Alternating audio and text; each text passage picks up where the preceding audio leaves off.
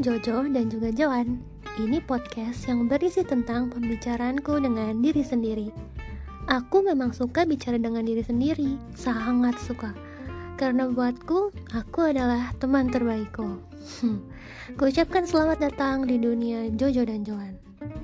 Teman-teman yang sudah kenal aku mungkin tahu kalau aku senang menulis.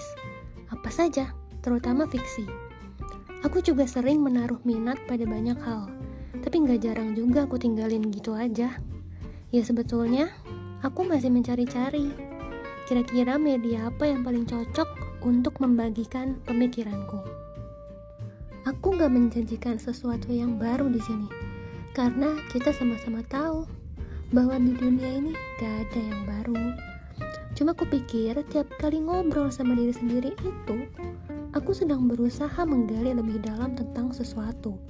Entah itu akan sedalam kasih ibu pada beta, atau ya cuma sedalam jari telunjukku yang masuk ke lubang hidung aja alias dangkal. Ya kalau jarinya terlalu dalam masuk ke lubang hidung nggak tahu.